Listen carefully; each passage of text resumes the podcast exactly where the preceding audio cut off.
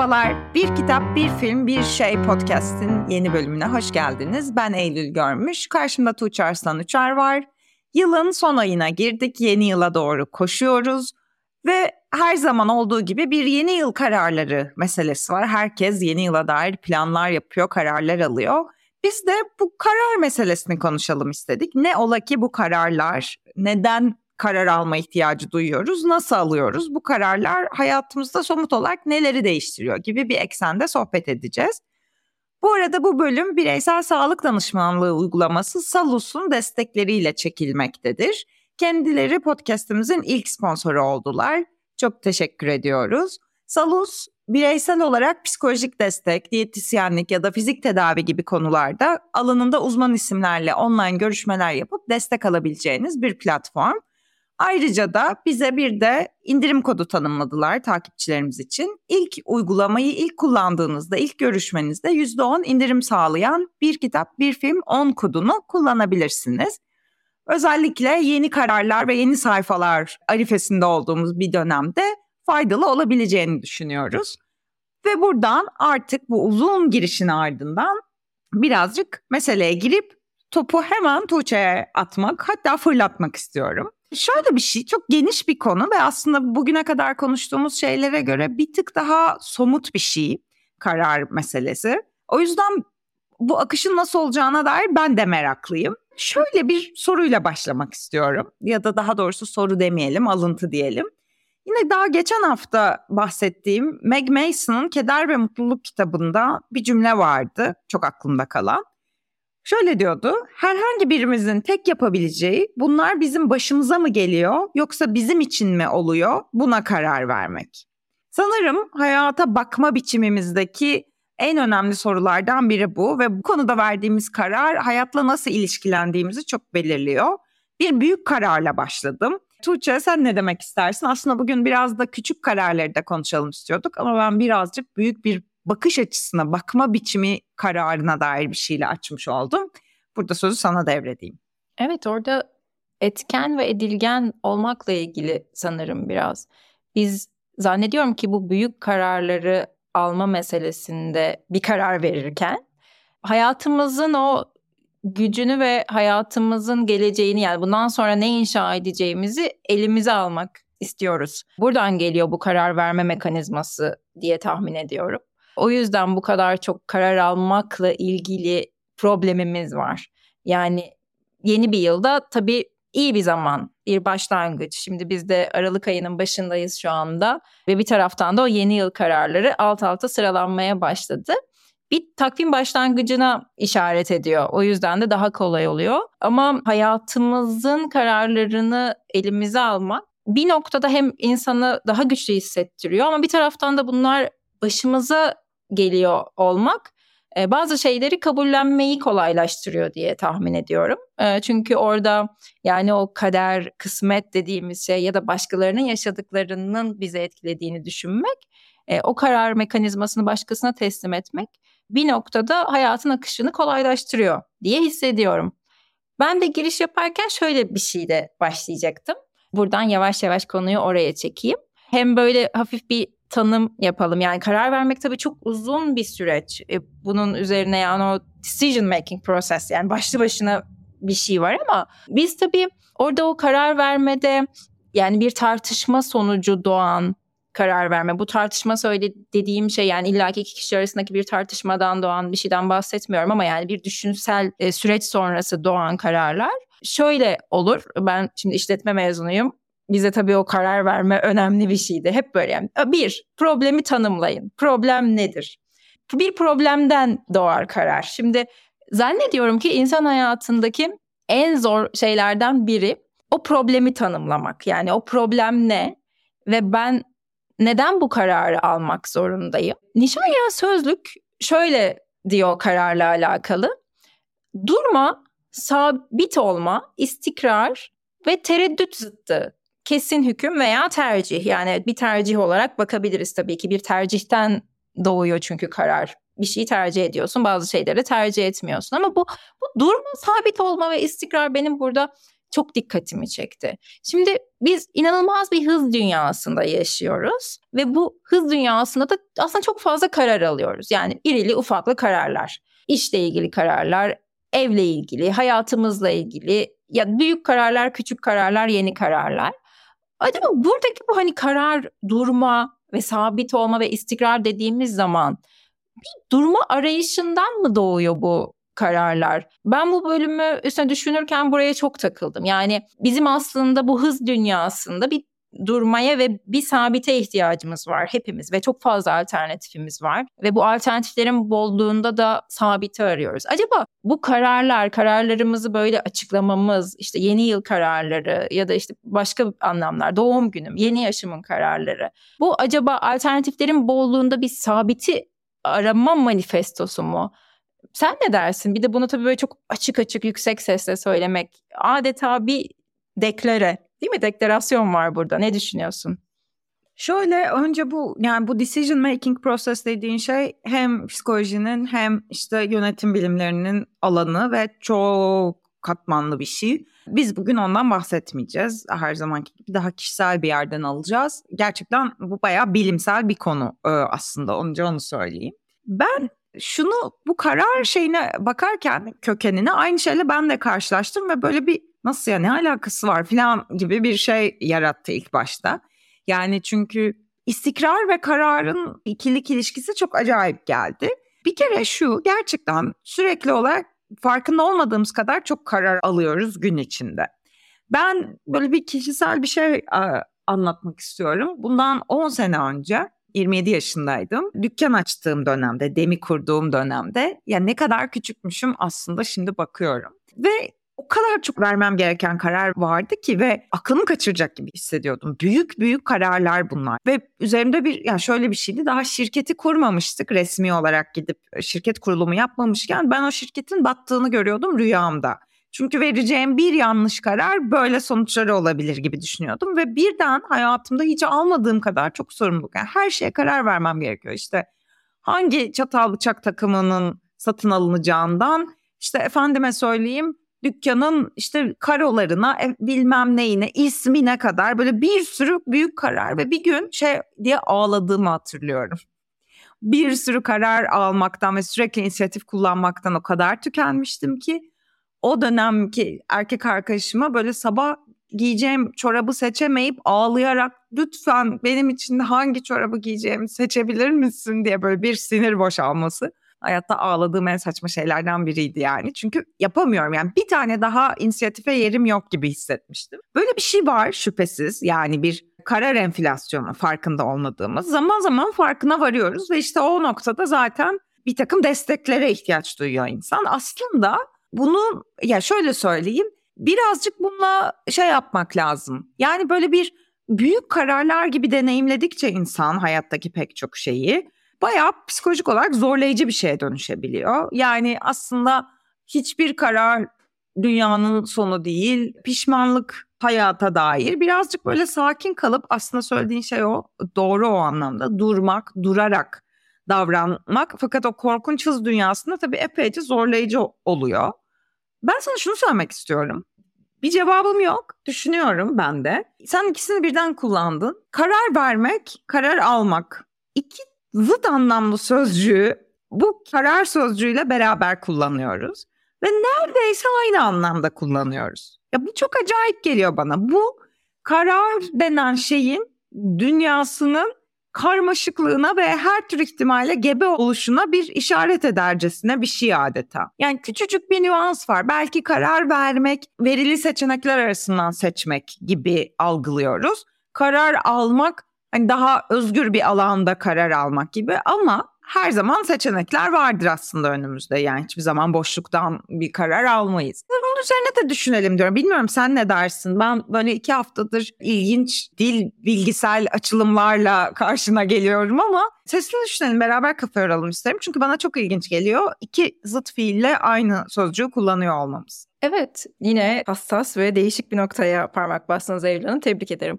Burada vermek ve almak e, fiilinde evet yani anlamsal olarak ben de böyle inanılmaz bir fark çağrışım yapmaya baktığımda belki bir tanesinde biraz daha bir yargı var yani bir hüküm karar ama orada yani karar alındı mahkeme kararı alındı gibi kullanıyoruz gayet aslında ilk baktığında sanki böyle vermek dediğimizi o daha hükme dair daha yargıya dair sanki böyle dışarıdan bize verilen bir şeymiş de karar almakta kendimize alıyormuşuz gibi hissettiriyor. Ama diğer taraftan da ikisinde de bir hüküm, yargı var. Benim burada böyle net bir cevabım yok. Çok ilginç. Yani orada bir kararın, karar bu arada Arapçadan Türkçe'ye geçen bir sözcük.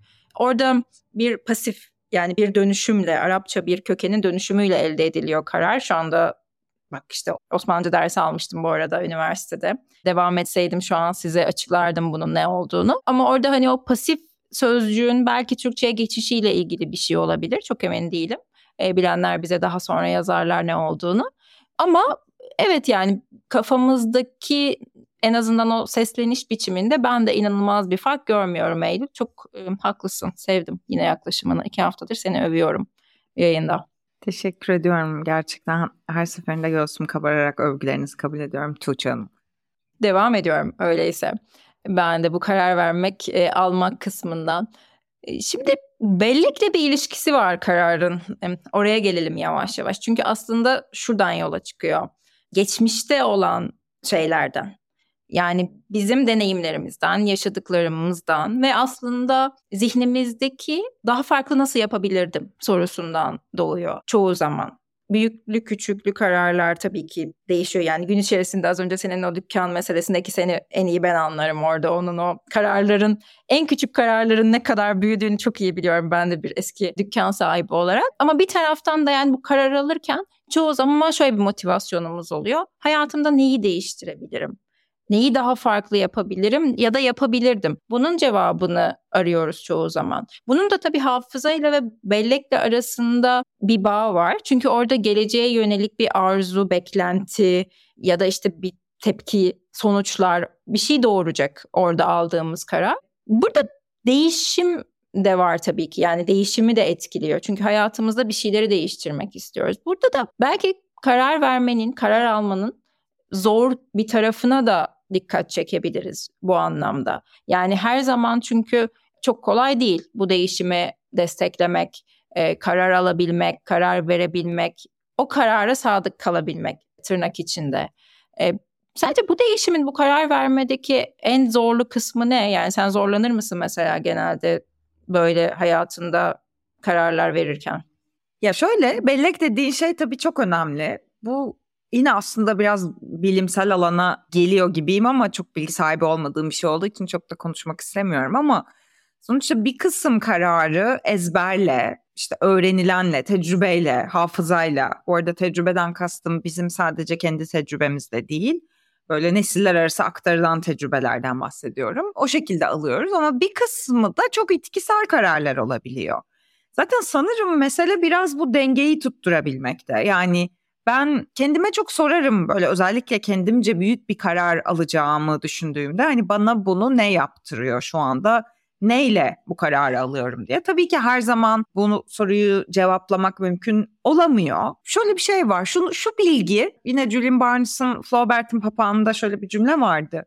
Yaşamda bir karar alırız ya da bir karar bize kendine aldırır. Bu arada bazen de böyle olur sahiden ve bir doğrultuda gideriz. Farklı bir karar alsaydık başka bir yerde olurduk. Şimdi bu bilgi tabii insanı çok tüketen bir bilgi. Yani sürekli olarak böyle bir hayat çizgimizle oynuyor olma hali ve aslında bütün ihtimalleri yaşama arzusu ki sinemada ve edebiyatta çok karşımıza çıkan bir şey bu. Farklı davranıp farklı sonuca gidip onu görme arzusu. Bu, bu imkansız. Dolayısıyla birazcık bu şey karar meselesinde aslında belki de atfettiğimiz önemi azaltmanın ve büyük kararları küçük kararlar gibi deneyimlemeye çalışmanın önemli olduğunu düşünüyorum ben. Sen az önce durmakla ilgili bir şey söyledin. O benim aklıma şunu getirdi. Vladimir Mayakovski'nin Bilgelik için Dua adlı şiirinde şöyle bir mısra vardır. Dur tıpkı uçurumu hisseden bir at gibi. Ben bu şeye çok bayılıyorum ve Louis Sepulveda bir kitabında bunu alıntılamıştı Şileli yazar. Ve üzerine de şunları yazmıştı. Eğer durursan en azından düşünme fırsatın olur. Uçuruma doğru koşmanın iyi bir seçim olup olmadığını başka bir yol izlemenin ya da geri dönmenin daha iyi olup olmayacağını sorabilirsin kendine. Günümüzde basit gibi duran ama hiç de öyle olmayan bir yeteneğe yani koşumuzu durdurup düşünme yeteneğine ihtiyacımız olduğunu düşünüyorum. Dur ve bu baş döndürücü yaşam ritmi seni gerçekten bir yerlere götürüyor mu diye düşünmeye başla. Gerçekten mutlu bir insan yazgısına götürebilir mi diye düşün.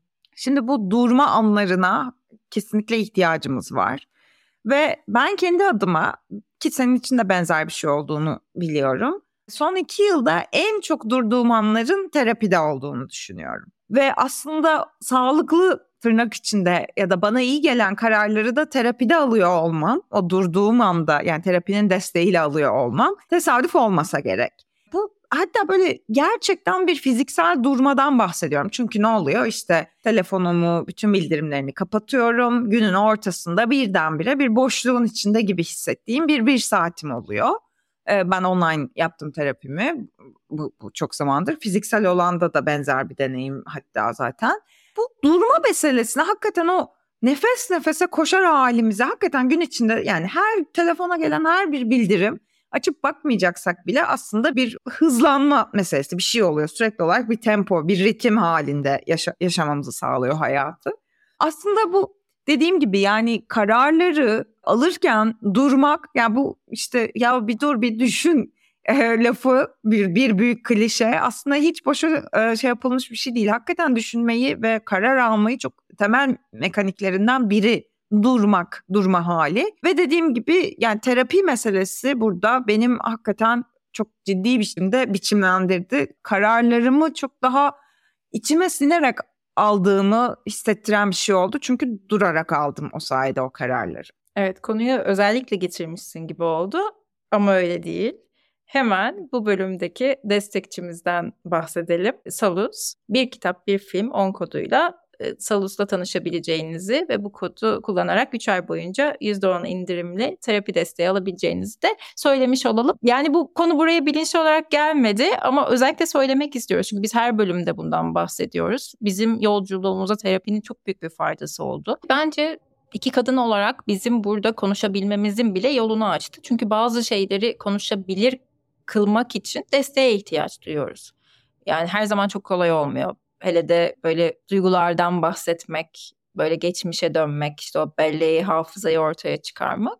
E, o yüzden kesinlikle senin dediğin gibi daha temiz kararlar alabilmek için önümüzde ya da en azından karar vermeye giden süreçteki o alternatifleri daha iyi değerlendirmek için kesinlikle ben de terapinin çok iyi bir yol olduğunu düşünüyorum. Buradan bir filme bağlayacağım. Eternal Sunshine of the Spotless Mind sil baştan.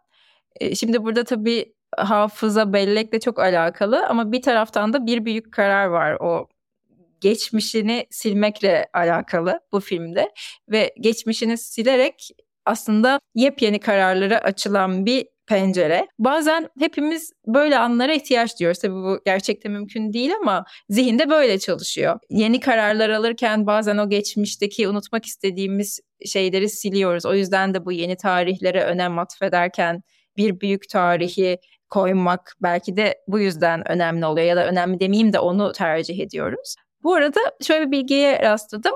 İlk böyle yeni yılda yeni kararlar tabii onlar yeni yılda yeni kararlar alıyoruz gibi dememişlerdir muhakkak ama ritüellerinde böyle bir şeye yer vermeye 4000 yıl kadar önce Babililer başlamışlar. Böyle onların takviminde e, yeni yılda gerçekten de yeni ritüellere başlayarak e, o alışkanlıkları edinmeye ilk orada rastlanmış 4000 yıl kadar önce.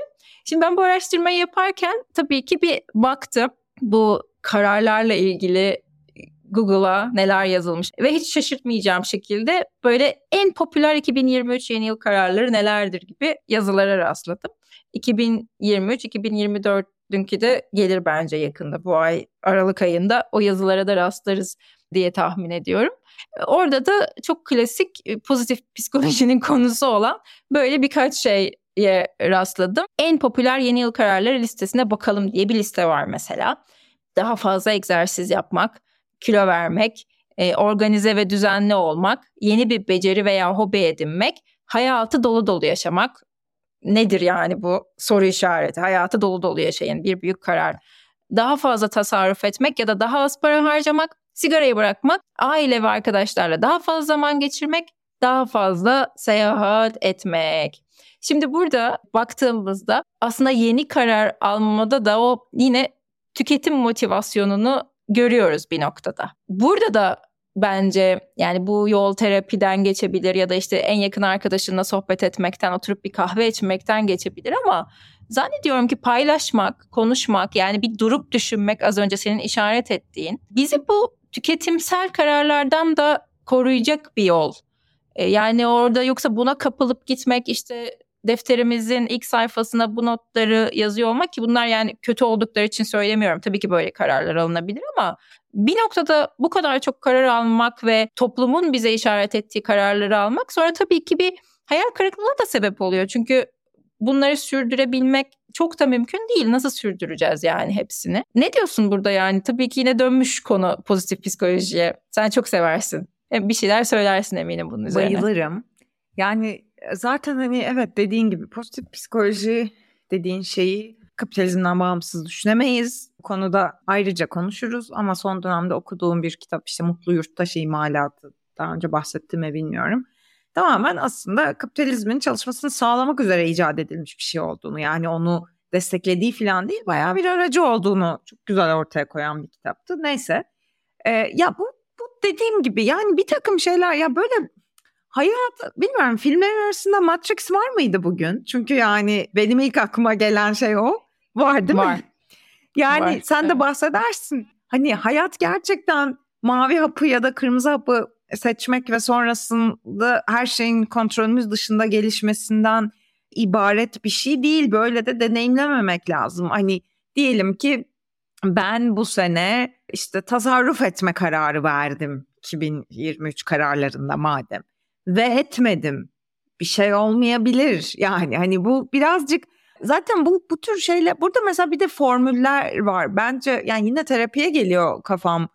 Hakikaten o yüzden de bu yazının üstünde bu arada formüller vardı tabii ki. Yani bu en popüler kararlar bunlar Hı. ipuçları işte, sonradan yani, geliyor. Ya biz hepimiz çok biriciyiz ve zaten terapi burada işe yarıyor. Yani o kararı almak bak, bak uygulamak demiyorum. Yani uygulamak değil almak bile sana iyi gelmeyebilir. Yani senin kendinin neye ihtiyacın olduğunu bulmayı, anlamaya, kendi işte bir daha önceki bölümde söylediğim gibi yani kendi iç şarkını duymaya ihtiyacın var ve bu da işte bir takım ezbere formüllerle yani fizik kanunu değil bu. Bizde e, yani bin bir farklılığı olan varlıklarız. Dolayısıyla bu işte bir takım popüler kararların bize iyi geleceğini ya da uygulamaların düşünmekte çok aldatıcı bir şey var.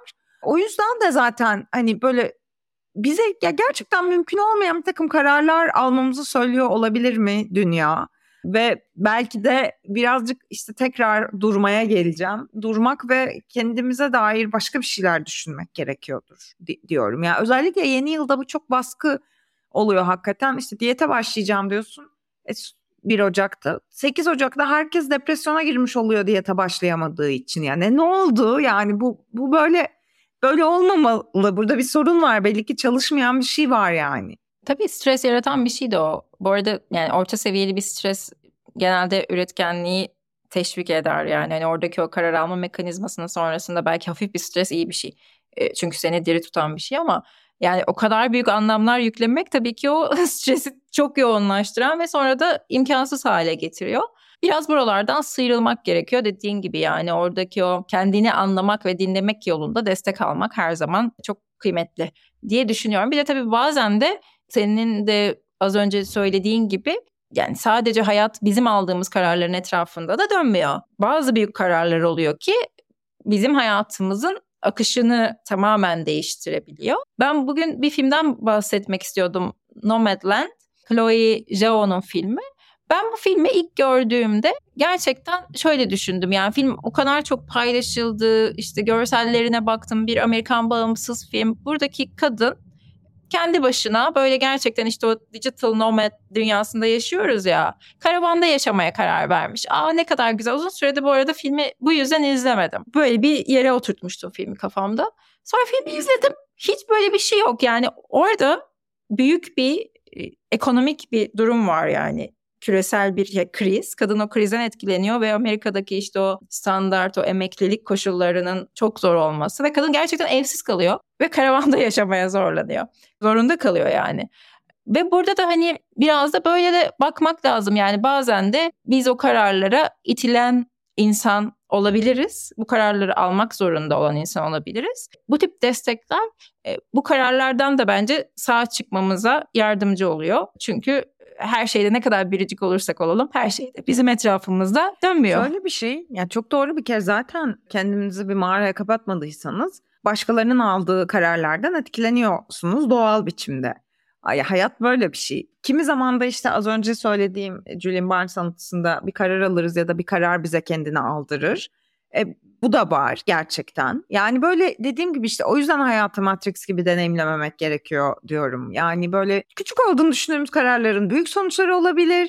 Büyük kararlar aldığımızı zannederken aslında çok da bir seçme şansımız yoktur ve biz bir karar aldığımızı zannediyoruzdur. Yani bu karar meselesini biraz daha bence dediğim gibi yani şimdi üzerimizde özellikle böyle bir Allah'ım yeni yıl yeni kararlar baskısı varken bununla bir barışmak ve normalleştirmek gerektiğini düşünüyorum. Hakikaten gün içinde aldığımız bir sürü bir sürü küçük kararın pek çok pek çok sonucu olabiliyor ya da büyük kararlar çok da etkisiz kalabiliyor. Çünkü aslında hayatın doğal akışına uyum sağlamış oluyoruz karar aldığımızı zannederken. Tabii bunlar kişisel konular yani şeyden dediğim gibi başta söylediğim yani bu işte yönetim bilimlerinin filan konusu olan karar alma, alma süreçleri onlar biraz daha başka e, mekanizmalar çalışıyor orada. Ben artık ufaktan kitaplara filmlere geçelim mi? Eklemek istediğim bir şey var mı? Geçelim. Öncesinde bir araştırmadan bir referans vereceğim minicik. Ee, Underberg ve Ark'ın yaptığı bir araştırma açlığın karar vermeyi gerçekten engellediği üzerine bir sonuca varmışlar. Buradan bu önemli bilgiyi paylaşmak istiyorum. Açken mide tarafından salgılanan grelin hormonu karar verme ve dürtüsellik üzerinde gerçekten e, olumsuz etkiler meydana getiriyormuş. Yani o açken siz siz değilsiniz doğru olabilir arkadaşlar. Bu önemli araştırmayı da verdikten sonra e, o zaman ben de filmleri bir toparlayayım. Zaten ufak ufak bahsettik hepsinden e, sil baştan Michel Gondry'nin filmi hepimizin bildiği, çok sevdiği kült film. Bu hayatı yeniden yazmak üzerine, kararları yeniden yazmak üzerine değerlendirebileceğimiz film. Matrix'i zaten söyledin. Wachowski kardeşlerin. E, unutulmaz eseri. Bu hafta kült filmlerden gidiyorum. Nomadland, Chloe Zhao'nun filmi. Bir de bu da farklı bir yerden ele almak üzere bu filmi eklemiştim listeme. Sound of Metal, Darius Merder'ın filmi. Burada da bir müzisyenin hayatını, e, duyma yetisini kaybeden bir müzisyenin hayatında yaşadığı bu temel değişiklik üzerine aldığı kararları izlediğimiz bir film bu. Biraz daha bizi zorlayan kararlar üzerine biraz daha kara bir film. Bir de bunu ekleyeyim ve sana bırakayım. Teşekkürler. Ben de iki tane var aslında. Bir tanesi Önce çok da sevmediğimle başlayayım. Niye sevmediğin kitabı öneriyorsun derseniz aklıma direkt bu geldi. Kate Atkinson'ın Hayat Sil Baştan kitabı. Bu tam bir şey hikayesi işte. O gün işte orada 5 dakika daha fazla kalsam ne olurdu? O gün ana caddeden değil ara sokaktan yürüsem ne değişirdi gibi. Alternatif Ursula Todd isimli bir kadının yaşadığı, yaşayabileceği türlü hayatları sıralıyor ve hatta bu hayatların birinde eline Hitler'i öldürme şansı geçiyor falan böyle büyük büyük yerlere gidiyor. Fakat o şansları kullanmama mesela bu şansı kullanmamasının sebebi var çünkü o alternatif hayatlar zihninin bir tarafında duruyor. Böyle bilgi gibi değil sezgi gibi. Böyle bir tür tuhaf dejavu hissiyle. Bu bence çok enteresan bir fikir. Yani hatıranın, hafızanın dinamikliğine ve kusurluluğuna dair çok ilginç bir yerden yakalıyor. Ama bu şahane fikri maalesef bu kitabın iyi uygulayamadığını düşünüyorum. Yine de hani bu konulara ilgi duyuyorsanız bu kitabın seveni çok ben biraz azınlıktayım. Hayat Sil Baştan'a bakabilirsiniz. Benzer bir fikrin çok daha iyi uygulanmış bir versiyonu ise Jenny Arpenbeck'in Bütün Günlerin Akşamı kitabı. Orada da çok benzer bir şey görüyoruz. Bir hayat hikayesinin çeşitli versiyonlarını işte bebekken ölüyor, Sonra o, o ölüme atlatıyor aslında ölmüyor başka bir yere geliyor falan. Böyle hayat başka anlarda başka biçimlerde kırılsaydı ne yaşardık gibi bir soru soran. Bence bu muhteşem bir roman. Zaten Jenny Erpenbeck de çağdaş Alman yazarlar arasında en ışıltılılarından biri. Orada şöyle bir cümle vardı bütün günlerin akşamında. Hepsini yapmaya karar vermiştik. Sonra her şey perişan oldu. Hepsini yapmaya çalıştık ama yanlış yaptık. Bu belki biraz teskin edici olabilir. Yani bir karar vereceğiz o karar başka bir sonuca götürecek. Hepsini yapmamız mümkün değil. Hepsini yapmaya çalışırsak muhtemelen yanlış yapacağız. O yüzden hani durmak, sakince karar almak tekraren söylediğim, benim hayatta öğrendiğim en büyük şeylerden biri oldu. Bir de takdir edersiniz ki bir Milan Kundera alıntısı yapmadan bu bölümü bitirmek istemem. Aksi halde e, sizlere hayal kırıklığına uğratmış olurum. Var olmanın dayanılmaz hafifliğinde bu karar vermekle ilgili çok fazla şey vardı. Bence bu kitabı da burada sayabiliriz hatta. Bu kitabı her yerde sayabiliriz. Ne konu versen mesela bana diyeceksin ki bir gün mesela işte Fransız mutfağı ile ilgili konuşuyoruz ve ben yine var olmanın dayanılmaz hafifliği diyor olacağım. Her konuda var olmanın dayanılmaz hafifliği diyebilirim ama oradaki şu cümleyi İnsan hayatı ancak bir defa yaşanır ve kararlarımızın hangilerinin doğru, hangilerinin yanlış olduğunu kestiremememizin nedeni verili bir durumda ancak bir tek karar verebilecek olmamızdır. İkinci, üçüncü ya da dördüncü bir yaşamımız yok ki çeşitli kararlarımızı birbirleriyle karşılaştıralım. Dolayısıyla aslında bu da biraz böyle pişmanlığın da bu anlamda bazen baş edilmesi, mücadele edilmesi gereken bir duygu olduğunu hatırlatan bir, bir, bir şey olsun diyeyim. Son olarak e, bölümü bitirirken bu bölümün çekilmesinde bize destek olan Salus'a tekrar teşekkür edelim. Bir kitap bir film 10 koduyla Salus'u ilk kullanımınızda %10 indirim alabileceğinizi de hatırlatmış olalım. Umuyoruz ki kararların baskısı altında ezilmediğiniz, sakin, kendinize uyan, durarak, düşünülerek alınmış kararlarla kendinizi daha iyi hissedeceğiniz bir Aralık ayı ve bir yeni yıl olsun. Haftaya yeni bir şeyle karşınızda olacağız. Herkese şimdiden güzel hafta sonları dileriz. Görüşmek üzere.